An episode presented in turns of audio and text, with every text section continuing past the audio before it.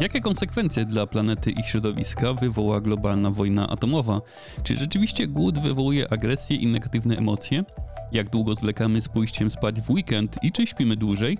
Arkadiusz Polak, witam Was w nieco odmienionym odcinku podcastu naukowo, w którym opowiem również o tym, jak wykorzystujemy dziką przyrodę oraz w jaki sposób robaki mogą pomóc w leczeniu nowotworów. Dajcie znać, czy podobają się Wam zmiany w oprawie podcastu. Subskrybujcie go i udostępnijcie znajomym, a jeśli chcielibyście wesprzeć moją działalność, to najprościej zrobić to za pomocą serwisu Patronite. Wszystkie linki znajdziecie w opisie odcinka. Dziękuję również za to, że jesteście i słuchacie podcastu naukowo. Liczba słuchaczy stale rośnie, co mnie niezmiernie cieszy i jest motywacją do dostarczania Wam kolejnych naukowych nowości, które dziś zaczynamy od opowieści o głodzie. To był okropny dzień. Budzik znowu nie zadzwonił i spóźnienie do pracy było pewne. Pośpiechu nie ułatwiły klucze, które znów schowały się złośliwie, a śniadanie musiało być w takiej sytuacji pominięte. Dzień w pracy był długi i najeżony obowiązkami, nie pozwalając na zjedzenie obiadu, bo nie można tym nazwać jogurtu wrzuconego gdzieś w biegu.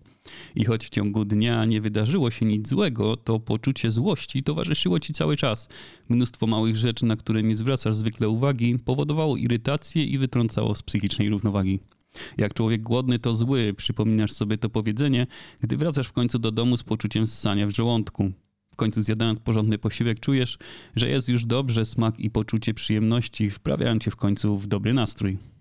Powiązanie między głodem a złym humorem może być dla nas oczywiste, wszak wielokrotnie przeżyliśmy podobną sytuację, ale bardzo niewiele badań bezpośrednio określiło, w jakim stopniu związek między głodem a negatywnymi emocjami jest trwały. Zaskakująco mało badań koncentrowało się na doświadczeniu, manifestacji i konsekwencjach głodu, szczególnie w życiu codziennym, i tym właśnie zajęto się w badaniu, o którym opowiem. Niezaprzeczalnie stan bycia głodnym wpływa na emocje, oceny i doświadczenie gniewu czy drażliwości. U wielu gatunków innych niż człowiek pozbawienie pożywienia zwiększa motywację do angażowania się w eskalowaną i uporczywą agresję w celu zdobycia pokarmu. Podobnie u ludzi głód wywołuje negatywne emocje, takie jak gniew, drażliwość i wściekłość, ale dowody naukowe są dość niejednoznaczne. We wczesnych badaniach przekrojowych powiązano głód z uczuciem niepokoju, nerwowości i drażliwości, a także trudnościami behawioralnymi u dzieci, ale wyniki były niejednoznaczne, podobnie jak w badaniach, w których sprawdzono, czy krótkotrwały post ma wpływ na nastrój i nasze działania. Także badania eksperymentalne pokazujące, że niski poziom glukozy we krwi zwiększa impulsywność, złość i agresję, są często kwestionowane i krytykowane ze względu na pomijanie kontekstu występowania głodu. Dodatkowo trzeba zaznaczyć, że głód jest zjawiskiem złożonym, obejmującym czynniki fizjologiczne, indywidualne i środowiskowe. W nowym badaniu postanowiono skorzystać z metody próbkowania doświadczeń, która z grubsza polega na wypełnianiu krótkich ankiet przy wielu losowych okazjach w ciągu dnia przez pewien okres czasu.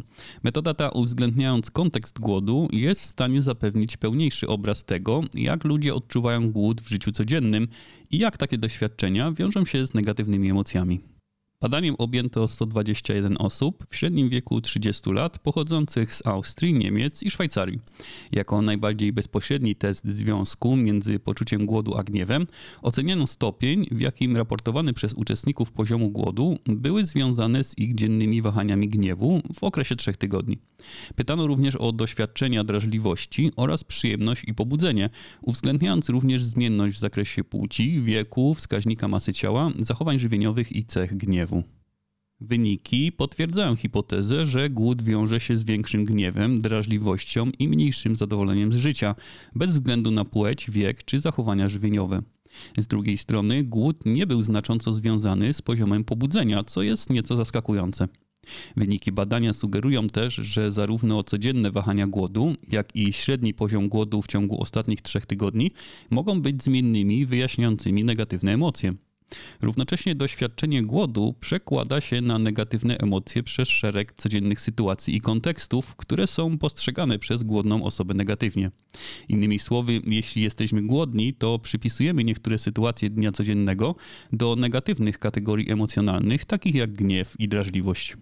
Wyniki te mogą być ważne dla zrozumienia codziennego doświadczenia emocji i choć autorzy nie przedstawiają sposobów na łagodzenie emocji wywoływanych przez głód, to sugerują, że już samo zdawanie sobie sprawy, że nasze emocje wynikają z pustego żołądka, może pomóc w regulowaniu tych negatywnych emocji i zmniejszyć prawdopodobieństwo, że głód je wywoła. U wielu ludzi negatywne emocje wzbudzają robaki i inne ohydne, proste organizmy, ale może nadchodzi czas na zmianę ich postrzegania, jako że mogą być one bardzo przydatne w nieoczekiwanych zastosowaniach. Nicień Anisakis simplex to mały pasożytniczy organizm żyjący zwykle w wodzie i żerujący w jelitach waleni i fok, gdzie dostaje się za pomocą ponad 200 gatunków ryb, które mogą się nim zarazić. Podobnie jak może dojść do zarażenia u człowieka, który spożył surową rybę, m.in. bałtyckiego śledzia. Ale ten mały organizm ma jeszcze jedną dziwną właściwość – lubi komórki nowotworowe, dobrze je wyczuwa, prawdopodobnie wykrywając je poprzez zapach i przyczepia się do tkanek nowotworowych. A skoro tak, to może dałoby się użyć tego robaka jako żywego kuriera dostarczającego leki używane w leczeniu nowotworów. Naukowcy wpadli na pomysł, aby pokrywać organizmy różnymi substancjami i w ten sposób, ubierając je niejako w chemiczny kombinezon, wprowadzać nowe lub wzmacniać naturalne funkcje takiego organizmu, nie ograniczając przy tym jego żywotności czy ruchliwości. Nie jest to nowa idea. Wcześniej takie prace prowadzono u organizmów jednokomórkowych z użyciem hydrożeli, nanopowłok żelazowych czy powłok z tlenku tytanu. Taka inżynieria powierzchni komórek wykorzystywana była do obrazowania powierzchni, rozpoznawania celów czy dawkowania leków lub do ochrony komórek przed czynnikami zewnętrznymi. Ale próby modyfikacji powierzchni organizmów wielokomórkowych są bardzo rzadkie. Wynika to zapewne z faktu, że organizmy, takie jak nicienie, są bliżej spokrewnione z człowiekiem, mają złożoną anatomię i funkcje fizjologiczne. Nowe badanie naukowców z japońskiego Uniwersytetu w Osace pokazuje technikę modyfikacji nicieni przez wprowadzenie materiałów na ich powierzchnię z użyciem hydrożeli o różnych właściwościach stworzonych z biokompatybilnych polimerów. Ta nowa funkcja powierzchni nicieni była badana poprzez ocenę poszczególnych powłok hydrożelowych jako tarczy ochronnej przed promieniowaniem ultrafiolowym i nadtlenkiem wodoru oraz jako włóczni umożliwiającej nicieniowi bycie potencjalnym żywym lekiem na raka. Aby stworzyć hydrożelową powłokę, naukowcy zanurzali nicienie w seriach roztworów chemicznych, które łącząc się ze sobą tworzyły żelową warstwę na powierzchni całego nicienia, tworząc szczelny kombinezon o grubości około 1,1 mm. Cały proces trwał około 20 minut, a po jego zakończeniu gotowa osłona nie przeszkadza robakom w przetrwaniu i jest wystarczająco elastyczna, aby zachować możliwości ruchowe nicieni. Co ważne, po pokryciu chemiczną powłoką nicienie nadal zachowywały możliwość wywąchania zapachów komórek nowotworowych. Dodając do powłoki odpowiednie substancje, można spowodować wyczerpanie glukozy jako źródła energii dla komórek nowotworowych i w efekcie ich śmierć. Natomiast wytworzony w tym procesie nadtlenek wodoru może zabijać komórki nowotworowe jako utleniacz. Naukowcy do takich powłok dodawali różne molekuły i potwierdzili skuteczną ochronę nicieni przed promieniowaniem ultrafioletowym i nadtlenkiem wodoru. Oznacza to, że technika ta ma potencjał, aby uczynić nicienie jeszcze bardziej użytecznymi poprzez nadanie funkcji hydrożelowej powłoce, włączając cząsteczki takie jak enzymy i substancje chemiczne odpowiednie dla każdego zastosowania, nie tylko w medycynie. Tym bardziej, że ta technika może być stosowana do różnych gatunków nicieni pochodzących z różnych środowisk. Oczywiście daleka droga do podawania żywych robaków ludziom z nowotworami, wszak istnieje kilka ważnych problemów, które należy rozwiązać, takich jak reakcje alergiczne organizmu człowieka na antygeny pasożytów i usuwanie nicieni, gdy już spełnią swoją funkcję kuriera leku. Praca naukowa opisuje jednak wysoką skuteczność metody inżynierii powierzchni organizmów i w przyszłości ten oparty na robakach system dostarczania może mieć potencjalne zastosowania w innych dziedzinach, takich jak dostarczanie pożytecznych bakterii do korzeni roślin albo w zastosowaniach przemysłowych. 13 tysięcy sztuk, 9 krajów na świecie i jedna decyzja, pomyłka lub awaria. Wszyscy zdajemy sobie sprawę z konsekwencji użycia broni jądrowej, jej niszczycielskiego działania i potencjalnych ofiar wśród ludzi. Ale człowiek to nie wszystko, nie jesteśmy jedynymi mieszkańcami Ziemi, a potencjalny kryzys atomowy miałby też potężne skutki uboczne dla ziemskiego środowiska w ujęciu globalnym. Historia pokazuje nam wyraźnie, że gwałtowne globalne ochłodzenia, napędzane erupcjami wulkanów lub dużymi pożarami lasów, wywoływały w atmosferze zmiany utrzymujące się od kilkudziesięciu do setek lat lub dłużej i miały negatywne skutki także dla ludzkiej cywilizacji. Przeprowadzono wiele symulacji komputerowych, aby zbadać wpływ regionalnych i zakrojonych na szerszą skalę działań wojennych na systemy ziemskie, biorąc pod uwagę dzisiejsze możliwości prowadzenia wojny jądrowej oraz wpływ takiej wojny na klimat, a zwłaszcza na środowisko morskie. W jednym z badań zasymulowana została seria konfliktów nuklearnych między Indiami i Pakistanem o różnej wielkości, a także konflikt między Rosją a USA. Podobnie jak w przypadku historycznych zdarzeń wywoływanych przez wulkany, zmniejszenie ilości światła słonecznego po wojnie nuklearnej doprowadziłoby do globalnego ochłodzenia, co z kolei napędzałoby szeroki zakres globalnych zmian, zmieniając warunki życia na Ziemi. Niezależnie od lokalizacji i wielkości wojny, sadza docierająca do stratosfery zbóż powstałych w wyniku wojny jądrowej szybko się rozprzestrzenia, pochłaniając światło słoneczne i zmniejszając promieniowanie słoneczne docierające do powierzchni oceanu. W symulacji dużego konfliktu Rosja-USA promieniowanie słoneczne zmniejszyłoby się o 70%, a temperatura na lądach spadłaby o 7 stopni Celsjusza w pierwszych miesiącach, osiągając maksymalny spadek o 10 stopni Celsjusza w trzecim roku po wojnie, z dużo większym ochłodzeniem na półkuli północnej. Maksymalna anomalia temperatury powierzchni morza występuje 3 do 4 lat po wojnie. Byłby to spadek temperatury o około 6 stopni Celsjusza, a naukowcy twierdzą, że ten nowy stan obniżonej temperatury prawdopodobnie utrzyma się przez dekady w pobliżu powierzchni i setki lat lub nawet dłużej na większych głębokościach. W związku ze zmniejszonym dostępem słońca szybko wzrosłaby ilość lodu morskiego, prawdopodobnie wywołując małą epokę lodowcową. W scenariuszu USA-Rosja zasięg lodu morskiego zwiększa się o 10 milionów kilometrów kwadratowych, obejmując o ponad 50% większy obszar, w tym normalnie wolne od lodu regiony przybrzeżne, ważne dla rybołówstwa, akwakultury i żeglugi na całej półkuli północnej. Grubość lodu morskiego wzrasta ponad dwukrotnie w całej Arktyce, a w wielu innych rejonach pogłębia się o ponad 2 metry. Sam stan fizyczny oceanu pozostaje znacząco zmieniony nawet pod koniec trwania symulacji obliczonej na 30 lat. Zmniejszyłaby się produkcja rolnicza i połów ryb, co w czasie potencjalnego konfliktu zbrojnego byłoby poważnym zagrożeniem globalnego bezpieczeństwa żywnościowego. Symulacja pokazuje, że globalna biomasa ryb zmniejszyłaby się o około 20% w ciągu pierwszych 10 lat po dużej wojnie atomowej, ale dane te wydają się być niedoszacowane. Nie da się określić dokładnie, jak środowisko morskie zaadoptuje się do gwałtownej zmiany klimatu i zmniejszenia ilości planktonu na skalę globalną. Wydaje się, że silne spadki temperatury, przewidywane w wielu scenariuszach wojny jądrowej, mogą prowadzić do załamania się morskich łańcuchów pokarmowych i potencjalnego wyginięcia niektórych gatunków morskich.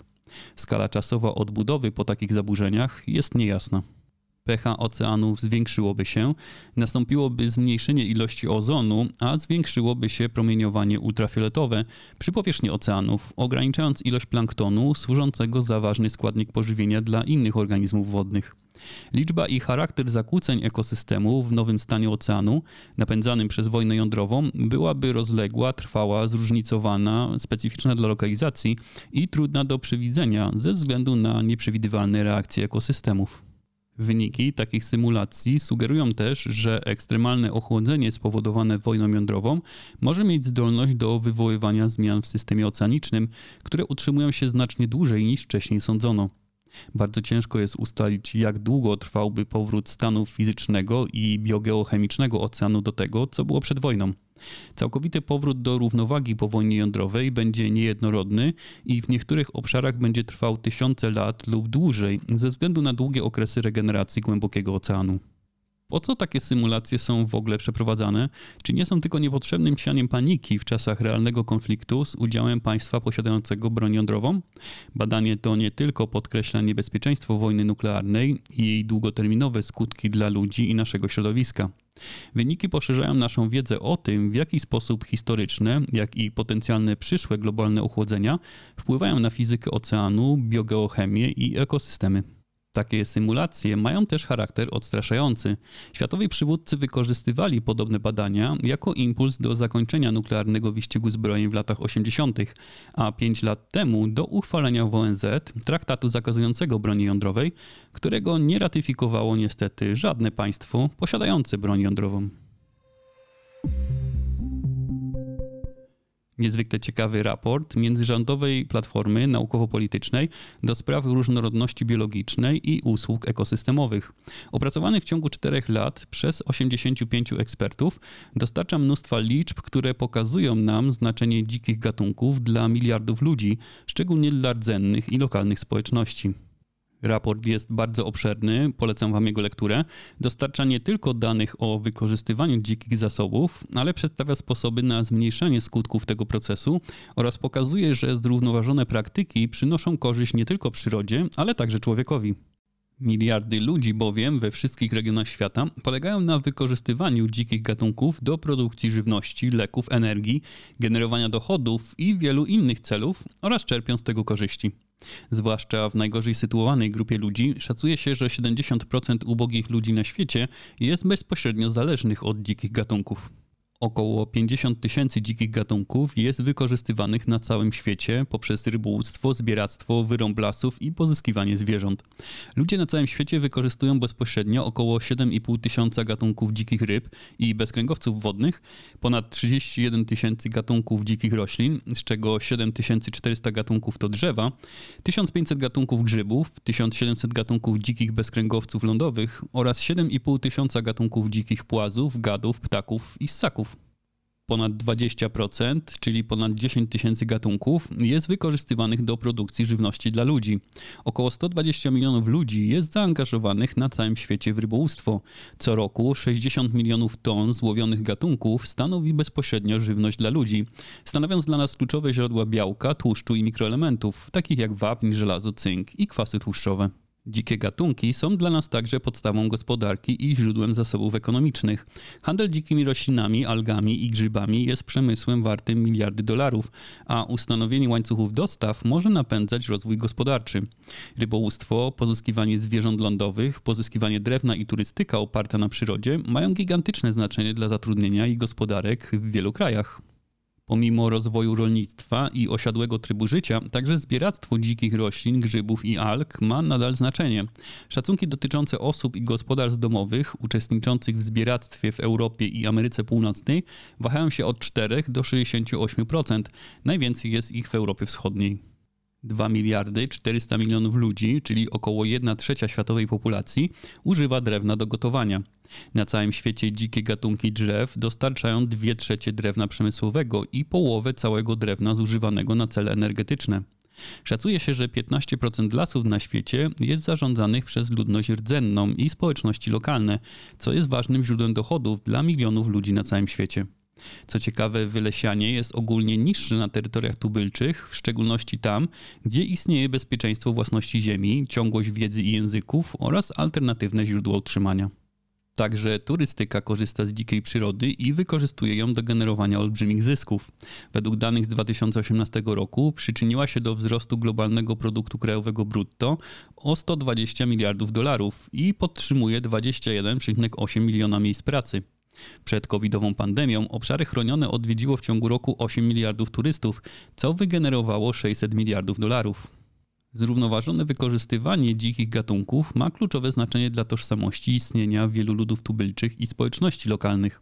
Często dzikie gatunki są uważane przez nich za lepsze od gatunków uprawnych lub innych zamienników, a handel nimi nadal jest ważnym źródłem utrzymania. Ludność rdzenna zarządza rybołówstwem, zbieractwem, pozyskiwaniem zwierząt lądowych i innymi sposobami wykorzystywania dzikich gatunków na ponad 38 milionach kilometrów kwadratowych ziemi w 87 krajach. Raport wskazuje na wiele zagrożeń wynikających z takiego powszechnego wykorzystywania dzikiej przyrody. Około 30% dzikich stad ryb morskich jest przełowionych, ale problem ten dotyczy wielu gatunków zwierząt. Duże ssaki stanowiły od 55% do 75% całkowitej rocznej biomasy dzikiego mięsa, na które polowano w różnych regionach świata. Wzrasta handel dzikimi roślinami, także roślinami ozdobnymi, a wspomniana wcześniej turystyka poprzez brak skutecznych instytucji, egzekwowania prawa, środków regulacyjnych i właściwej infrastruktury często ma szkodliwy wpływ poprzez zmiany w zachowaniu i zdrowiu gatunków oraz ekosystemów, często powodując zniszczenie siedlisk. Ten niezwykle ciekawy raport dostarcza przekonujących dowodów na to, że ludzie nadmiernie eksploatowali dzikie gatunki i że najwyższy czas, aby powstrzymać ten proces poprzez długoterminowe porozumienia w celu ochrony naszej planety. Chronić należy też nasz sen, jako że jest on jednym z najbardziej kluczowych czynników dla zachowania dobrego zdrowia i samopoczucia. Wraz z rozwojem techniki rozwijają się także badania dotyczące snu. Wiemy o nim więcej i możemy lepiej ocenić jego parametry. W ostatnich latach dużą popularnością cieszą się urządzenia pomiarowe, dzięki którym możemy sami mierzyć nasz własny sen. I to właśnie taki akcelerometr został użyty do nowego badania, chcąc zmierzyć, kiedy sen się zaczyna, czas trwania snu i jego efektywność w całym okresie życia z podziałem na płeć i rasę w krajowej reprezentatywnej próbie populacji Stanów Zjednoczonych. Badanie objęło 11 279 uczestników, co stanowi reprezentatywną próbę 200 milionów Amerykanów. Badani byli w wieku 6 lat i starsi, a uczestników poproszono o noszenie akcelerometru przez całą dzień i noc przez 7 kolejnych dni. Wyniki badania pokazują, że wykres czasu trwania snu zmienia się i przypomina literę U. Zmniejszając się wraz z wiekiem, czas trwania snu spada mniej więcej około 10 roku życia. Najmniej Amerykanie śpią około 40, a około 50 roku życia czas snu znowu wzrasta. Co ciekawe, podobny wykres pokazano w badaniach nad snem Japończyków i Francuzów.